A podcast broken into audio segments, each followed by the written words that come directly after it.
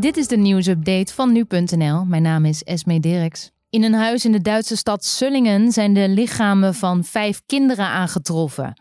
De moeder van de kinderen, 27 jaar oud, wordt gezien als verdachte. Dat bevestigt de Duitse politie tegenover de beeld.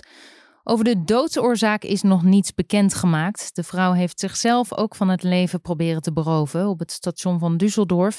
Daarbij zou ze ernstig gewond zijn geraakt. Advocaat Nico Meijering heeft donderdag zijn vermoedens uitgesproken dat hij en zijn kantoorgenoot in juni 2019 door de politie zijn afgeluisterd in Dubai. Hij baseert dit op een verklaring van crimineel Khalid J, met wie de advocaten destijds hadden afgesproken. Hij werd eh, begin dit jaar aangehouden en zegt dat hem tijdens zijn verhoor dingen zijn voorgehouden die overeenkomen met de gesprekken die hij had met de advocaten daar in Dubai. Eerder donderdag zei het OM dat alles volgens de regels is verlopen en dat er geen sprake was van afluistering. Maar Meijering vertrouwt het niet en wil J oproepen als getuige. De Verenigde Staten trekken zich met ingang van 6 juli 2021 definitief terug uit de gezondheidsorganisatie WHO.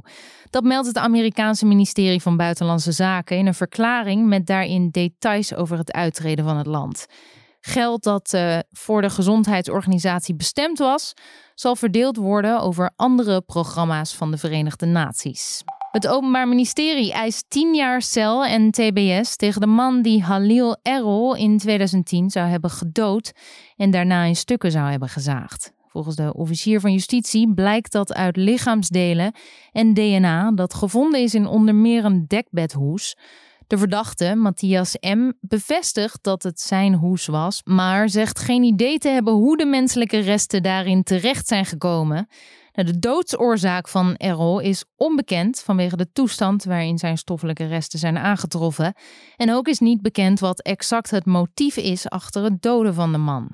De interim bondscoach sluit niet uit dat hij vrijdag één of meer spelers laat debuteren in het Nederlands elftal. De selectie telt er drie en vanwege een aantal blessures is het niet ondenkbaar dat ze nodig zijn op het veld.